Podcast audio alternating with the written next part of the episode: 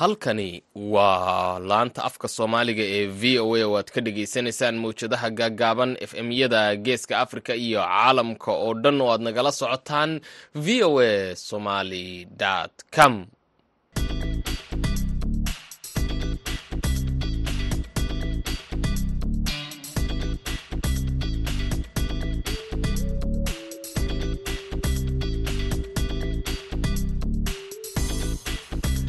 duhur wanaagsan dhegaystayaal waa kowdii iyo badhkii duhurnimo xilliga geeska afrika iyo shantii iyo badhkii subaxnimo wakhtiga washington.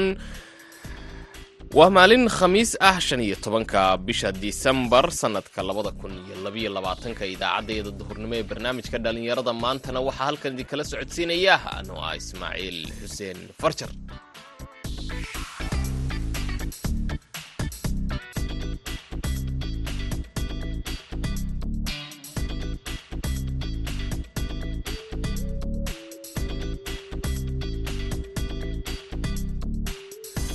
qodobadaan idiinku hayno idaacaddayada duhurnimona. Waxaa ka mid ah horyaalka kubadda cagta ee dhadhaab premier league oo ay ka qaybgelayaan tobannaan dhallinyaro ah oo la daahfuray. Waxaan bilownay liig ama tartan ciyaareed oo aan u qabanay ilaa labaatan tiim taasoo oo dhiirigelin u ah dhammaan dhallinyarada qaxootiga ku nool taasoo aan ugu talagalnay in maadaama meeshan qaxooti ay tahay dhallinyaradii ay shaqo ay jirin inuu yahay hamigooda ama macnaha mustaqbalkooda kor ugu qaadno sifa ay isdhexgal bulsho iyo uga fogaadaan drugska uga fogaadaan. Waxaad sidoo kale maqli doontaan wiil dhallinyaro ah oo qoray buu ka hadlaya arrimaha deegaanka xubintii ciyaaraha iyo weliba qodobo kale ayaan idinku haynaa idaacaddayada duhurnimo ee barnaamijka dhallinyarada maanta. Marka hores waxaad ku soo dhawaataan qodobo ka mida warkii dunida.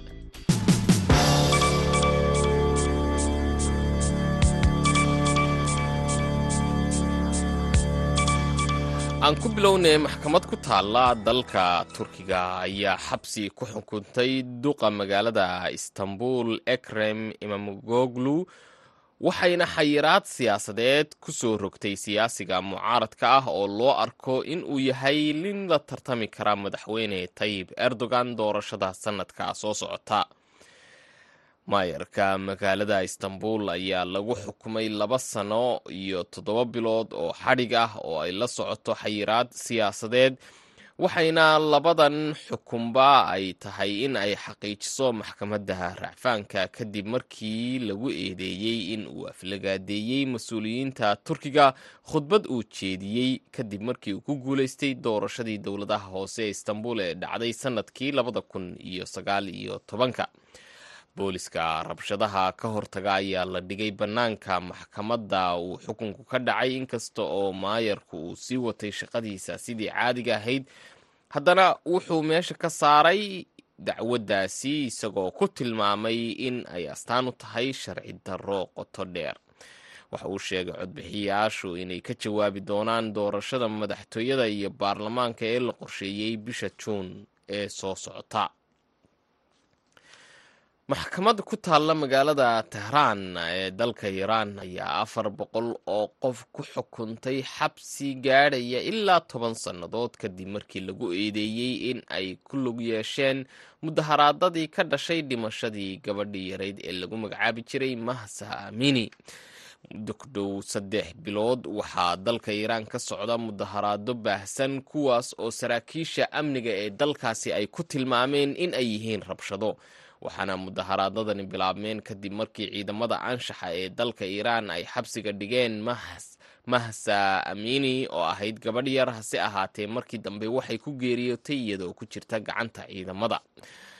Dadka la xukumay ayaa isugu jira ilaa boqol iyo lixdan qof oo lagu xukumay xabsi u dhexeeya shan sannadood ilaa toban sannadood siddeetan qof oo kalena laba ayaa lagu xukumay laba sano ilaa shan sannadood halka boqol iyo lixdan qof oo kalena lagu xukumay ilaa laba sannadood. Ugu dambeyntiina ukrain ayaa sheegtay arbacadii inay fashilisay weerar uu ruushku ku soo qaaday caasimadda dalkaas ee kiyef iyada oo isticmaalaysa nidaamkeeda difaaca cirka waxaana ukrain ay sheegtay inay soo rideen ilaa saddex iyo toban diyaaradood oo ah nooca aan duuliyaha lahayn oo siday walxo qarxa oo kala duwan kuwaas oo isku dayey inay soo galaan hawada caasimadda kiyef inkasta oo burburkoodu uu khasaare u geystay ilaa shan dhisme. Maayarka caasimadda kiyef ayaa sheegay in qaraxyo laga maqlay bartamaha degmada shefsjenfiski oo ku taala bartamaha caasimadda kiyef isagoo intaas ku daray in aanu jirin wax khasaare ah oo ka dhashay weeraradaasi wasaaradda difaaca ee ruushka ayaa barteeda twitterka ku sheegtay in ruushka uu soo qaaday weerar kale oo uu adeegsanayo diyaaradaha aan duuliyaha lahayn waxayna moscow ay ku tilmaantay inay keliya kalsooni dareemaan waxa ay ku tilmaameen ukraine in moscow ay keliya kalsooni dareemaan marka ay weerarayaan magaalooyinka nabdoon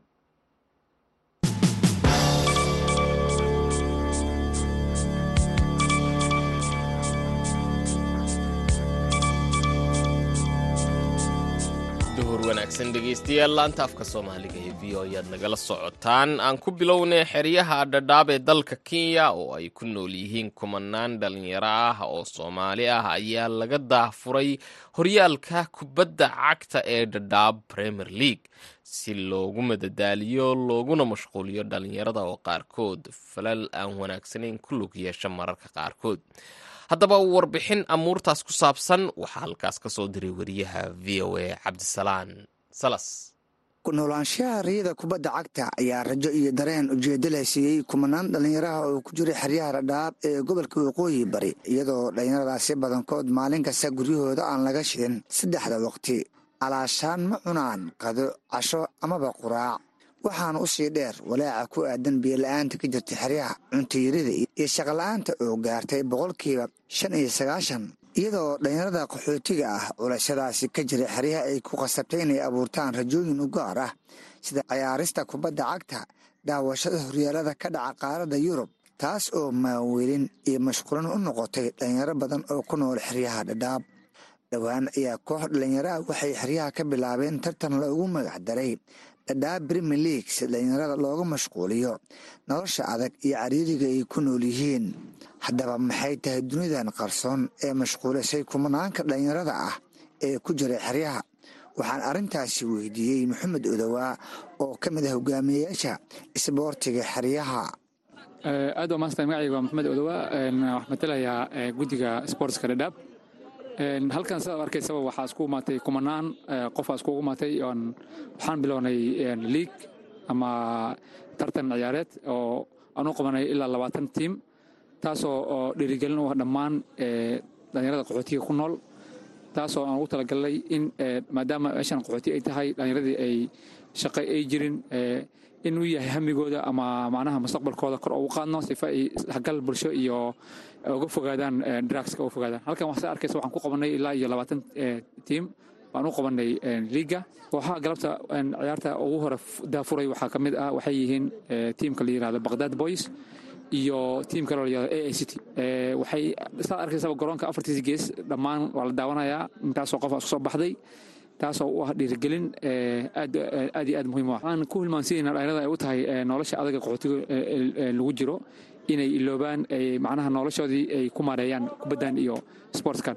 Sidaa ogsoonnahayba dhalinyaro fara badan ayaa sanadii hadda la soo dhaafay ayaa talentigooda iyo xifradahooda waxay dunida loogu qaaday oo olimbiga ka qayb sida xiriirinka kumoo kale halkan sida arkaysaba ciyaartooy fara badan oo maxaa aad talent u leh ama xifrad leh ayaa ciyaaraysa. Taasoo dhiirigelin waa sida hadda u ogsoonnahayba waalkaba hadda socdaa. Intaasoo kumanaana daawanaysaa taasay dhiirigelin u tahay. Marka annagana waxaan u qabannay in dhallinyaradii ay ay dhibaato ka fogaadaan ayna dareemin shaqola'aanta ay dareemin ay isku soo baxaan farxad geliso nolosheeda ay maarayso sa darteedan waxaan u qabannay liigan waxaana rajaynaynaa in nabad ku dhammaanayo. Cayaarahan kubadda cagta ee ka dhaca garoomada ku yaalla xeryaha marka laga tago kooxaha cayaarayo waxaa ku xiran kumanaan bulsho ah oo ahaa magaalo joog hore kuwaas oo galab kasta soo xaadira garoommada kubadda lagu ciyaaro. Taas oo suurto gelisay in dhallinyaro badan oo da'yar ah ay soo bandhigaan xirfadaha kubadeed ee u qarsoon yuusuf iile wuxuu ku dhashay xeryaha. Waa laacib kubadda ku ciyaara lugta bidix. Wuxuu caan ka yahay gudaha xeryaha. Waxaa loogu yeeraa magacyo badan sababo la xiriiro farsamadiisa kubadeed. Yuusuf waxaan wax ka weydiiyey rajada ay gelisay tartamada uu ku ciyaaro gudaha xeryaha. Waa masantahay cabdisalaan magacaygo saddexaan waxaa la yidhaahdaa yuusuf ile xasan waxaan ka mid ahay cayaaryahanada qaxootiga dhadhaab runtii sboortska in muddo ah ayaan ku soo jiray. Waxyaabo badan oo macnaha waxaa jira oo horumar aan ka sameeyey khaasatan ani ahaan waxaan ku guulaystay laba horyaal ayaa waxaan kula guulaystay tiimka boys. Laba marna waxaan qaaday qaybta gooldhalinta ee tartanka brimier liga ee dhagaxley. Runtii sboortska muhiim ayuu inoo yahay dhallinyaro ahaan. Waxyaabo badan ayaan ku ilownaa waa dunyaroo qurux badan. Waxyaabo badan ayuuna ilowsiyaa sida macnaha dragskoo kale stresskoo kale. Waxyaabo badanaa iskaga baabi'inaa marka markii laga soo tego marka caqabadahaas ani ahaan yuusuf ahaan hami ahaan oo si aad u dheer ayaan ka leeyahay sboortska khaasatan in muddaan ku soo jiray caqabado badan maadaama uu leeyahy laakiin waxaan ku rajaweynahay in macnaha heer sare aan ka gaaro oo ilaa heer qaran inaan matalo. Maadaama nin macnaha aad experience u ah oo macnaha boloniga ku fiican aan ahay ilaa iyo wadankeena inaan wadankeena hoyo inaan matalo ayaan ku rajaweynahay marka cabdisalaanow caqabado badan waa iska jiraan laakiin saasay tahay inaan ka gudbo ayaan isku daya hadduu ilaa yidhaahdo aan dadaal aan muujiyo waa tahay yuusuf waxaad tahay cayaaryahan magac kule xeryaha. Guusha aa gaartay maxay tahay? Markaad garoomada gashay bulshada qaxootiga ay ku barteen awoodaadan ay ogaadeen. Runtii wallaahi waxyaabo badan ayaan ka faa'iideeyey khaasatan xagga magac ahaan macnaha iyo isdhexgalka dhallinyaradoo kale macnaha bulshadii macnaha magac kuleh oo sportsman oo la yaqaana noqday oo xirfad macnaha sports lah marka isdhexsan wanaagsan iyo macnaha qadarin iyo qiimeyn wanaagsan ayaan riyooyinkeena macnaha inaan rumeeyo ayaan ku rajaweynahay. Hadduu ilaah yidhaahdo oo macnaha halkaa aan ka sii wado ilaa iyo macnaha in macnaha dadaal dheeraad aan sameeyo kale ilaa iyo heer qaran inaan macnaha matalo aan isku dayo hadduu ilaah yidhaahdo. Juqraafi ahaan halka ay ku yaalaan xeryaha ma jiro qaxooti sida uu doono ugu socdaali karo. Waana sababta dhalinyaro badan oo qaxooti ay u arkaan in cayaarta kubadda cagta ay muhiim ugu tahay si ay ugu mashquulaan cariidiga nololeed ee ka jirta xeryaha. Maxamed amiin cumar wuxuu sideed jeer ku fashilmay inuu ka gudbo xadbadeedka ay wadaagaan dalalka turkiga iyo gariiga balse iminka wuxuu ku noolyahay xeryaha dhadhaab wuxuu ka mid yahay dhalinyarada ku mashquulay kubadda cagta ee ku nool xeryaha. Anoo yaro qaxootiga ku barbaaray xamaraan tegey xamaraan ka sii tegey waxaan sii aaday dalka turkiga sideed jeer waxaan isku dayay inaan tahriibo. Waana ku guuldaraystay gariigii iyo turkiga u dhexeeyey waana ku soo guuldaraystay waa iska soo laabtay qaxootiga ku soo laabtay. Run ahaantii kubadda cagta waxaa waaye waxaa waa shay cajiib ah. Haatan waxaan ku soo laabtay meesheedii aan ku barbaaray ee qaxootiga dhadhaab. Waxaana ka tirsanahay koox la dhaho falkaano jiilkooda yaryaraa ahay kubadda maasha allah aaday ii mashquulisay. Waxyaabihii iyo tahriibkii waa iga mashquulisay. Kubadda cagta waxay noqotay maraan ciyaaro maraan ka sheekeeyo maraan daawado. Hadda waalikaabkan socdo waxaan wataa xulka morocco. Brim leagan waxaan ka taageeraa manchester city. Kubaddii waxay noqotayba inaan ka sheekeeyo oo marna daabto. Kubaddii waxaa waa shay aad iyo u cajiibsan. Kubadda cagtan waxaan ku hilmaamnay duruufaha qaxootiga iyo noloshii adkeyd kubadda cagtan ku hilmaamna dhan.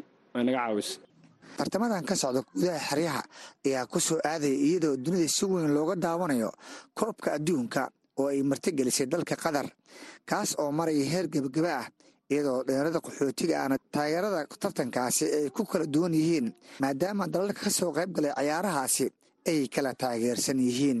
Cabdisalaan salas v o a xeryaha dhadhaab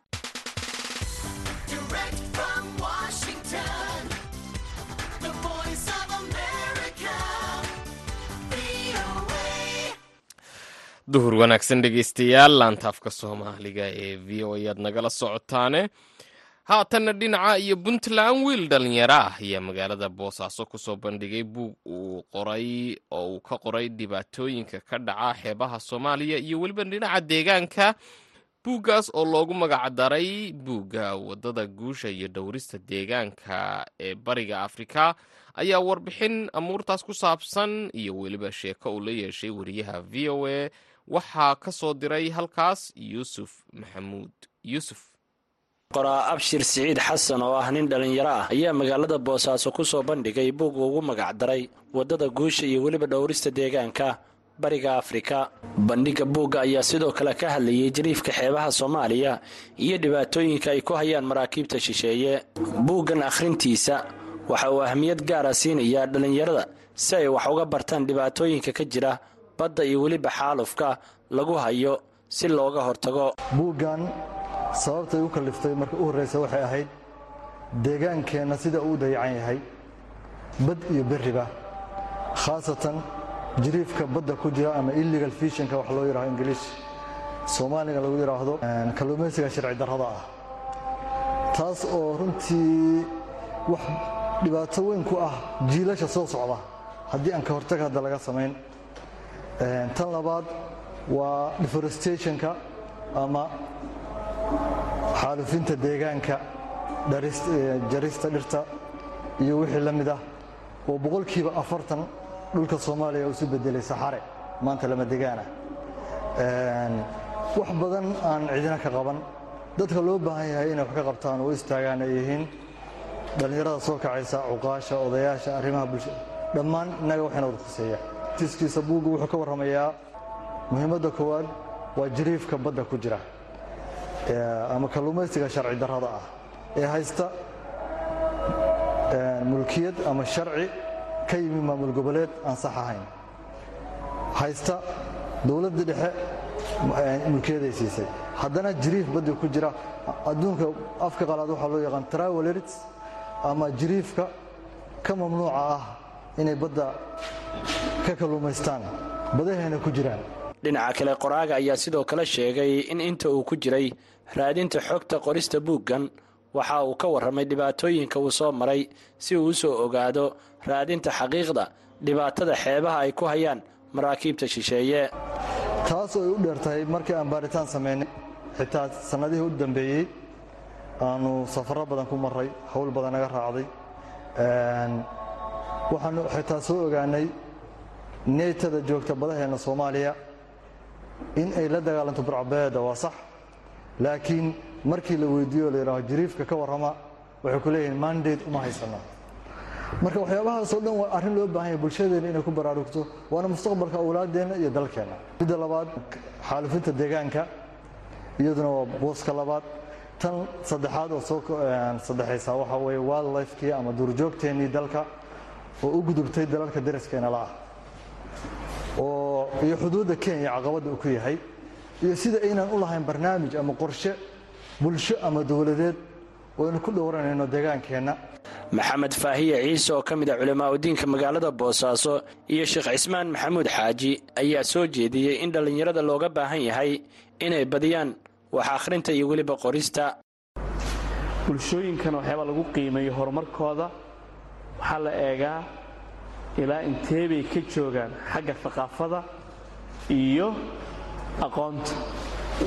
Haddii aad aragto bulsho wax akhriyaysa bulsho wax qoraysa bulsho arrimo aqoomeed ka niqaashaysa bulshadaas waa horumarsanta adduunku ama bulshooyinku ee waxyaabaha ay ku xisaabtamaan ma aha waxa jeebkooda ku jira ma aha xataa waxa adduunka dushiisa saaran dhulka dushiisa saaran maaha.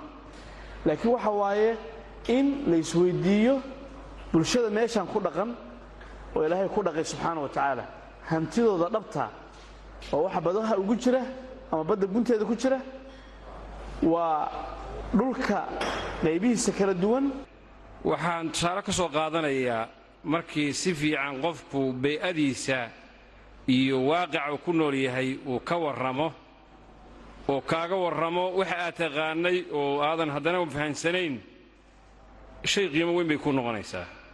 Intaa buug oo meesha taalla inteenna meesha joogtaa haddee waxa weeye qof iyo buug horta in loo qaato. Qoraagga marka maxay isagana dhiiri gelinaysaa inuu in kale soo saaro. Waxay kaloo haddana sii dhiiri gelinaysaa inuu qoraal kale ku dhiirrado qaar ka mid a dhallinyarada magaalada boosaaso ayaa u mahad celiyey qoraaga buugga abshir siciid xasan ee soo bandhigay buugga ka hadlaya dhowrista deegaanka in dhibaatooyinka ka dhaca xeebaha badda. Marka buuggan aan fiiriyey aad wuxuu culayska u saaray kalluumaysiga. Oo xaalufinta kalluumaysiga iyo culayska aad u saaray. Dhinaca kale waxaa ku jira xilligii abaarta ugu daranayna qabsatay innaga ordogan doorkii ay ka geysteen isaga iyo dowladdiisu soomaaliya iyo dib u soo marka inihii uu akhriyey oo dhan xajmiga marka adeegto buugga iyo inta uu halka ka akhriyayey iyo sida uu u soo koobay waxaad mooddaa inay kala mug wen yihiin. Marka wax badan buu ka faa'iidayaa qofkii akhriya. Intii burburka ahayd lagaga hadlayey qoraalka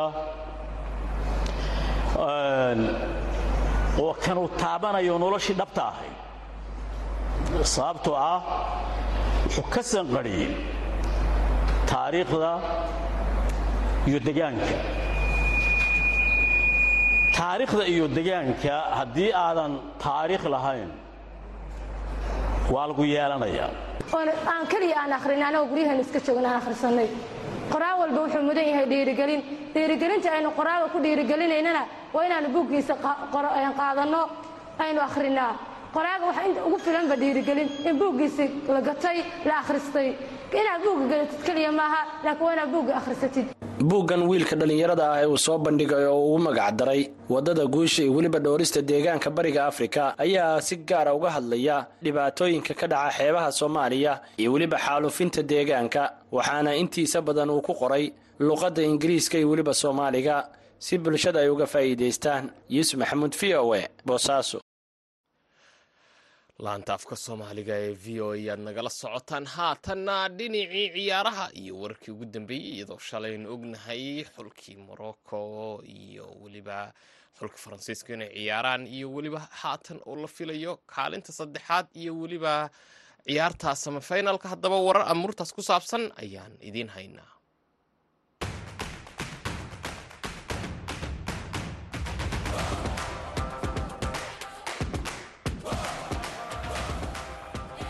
kulanti wanaagsan dhegaystayaal meel kastoo aad joogtaan kuna soo dhowaada xibinta ciyaaraha ee maanta.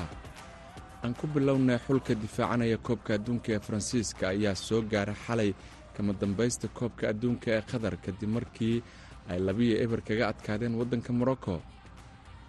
Taasi micnaheedu waxa ay tahay in xulka kiliyan imbaba ay fooda dari doonaan xulka messi ee argentina ciyaarta kama dambaysta ah ee koobkan. Su'aashuuse waxay tahay messi miyuu barbarayn doonaa guushii halyeega argentiin ee diego maradona isagoo sidoo kale ilaashanaya maqaamkiisa gowd mise embabe iyo saaxiibadiisa ayaa noqon doona xulkii ugu horreeyey ee si xidhiira mar kale ku guulaysta koobka adduunka tan iyo belle iyo baraziil lixdan sanno ka hor? Si kastaba ha haatee taageerayaasha kubadda cagta ma sugi karaan bandhigga axadda ee garoonka caalamiga ah ee lusail stadium ee bannaanka magaalada dooxa aragtida taageerayaasha caalamka ee kubadda cagta ayaa muujinaysa in argentina ay boqolkiiba konton iyo saddex ku guulaysan doonto koobka adduunka halka faransiiskuna uu haysto jaanis boqolkiiba afartan iyo toddoba ah marka loo eego aragtidan.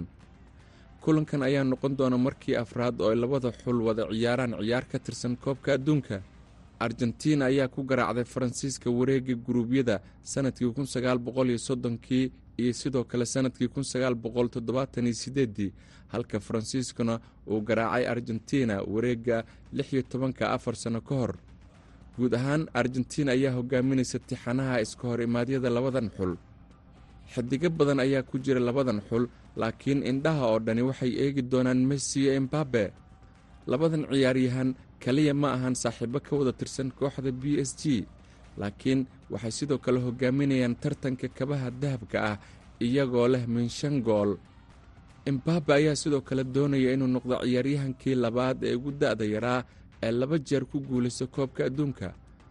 Waxay u noqon doontaa guul cajiib ah saddex iyo labaatan jirkan iyadoo keliya belle uu laba jeer ku guulaystay koobka adduunka iyadoo da'diisa ka hoosaysa labaiyo labaatan sanno dhinaca kalena morocco oo qatar kala laabanaysa sharaf weyn ayaa sabdida kulanka kaalinta saddexaad kaga hortegi doonta waddanka krobeshiya iyada oo labadan xul ay hore iskugu soo arkeen wareegga guruubyada ama gruubka f.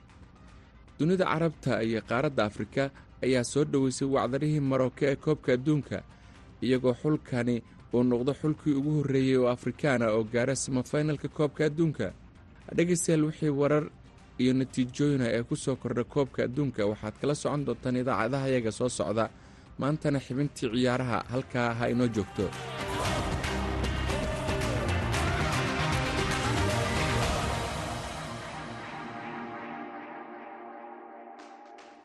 aad buu mahadsan yahay faarax buluug oo nala socodsiinayay xubinta ciyaaraha laanta afka soomaaliga ee v o ead nagala socotaan. Haatanna gebagabadii idaacadda ayaan ku sii siqaynaaye markana ku soo dhowaada dhinacii heesaha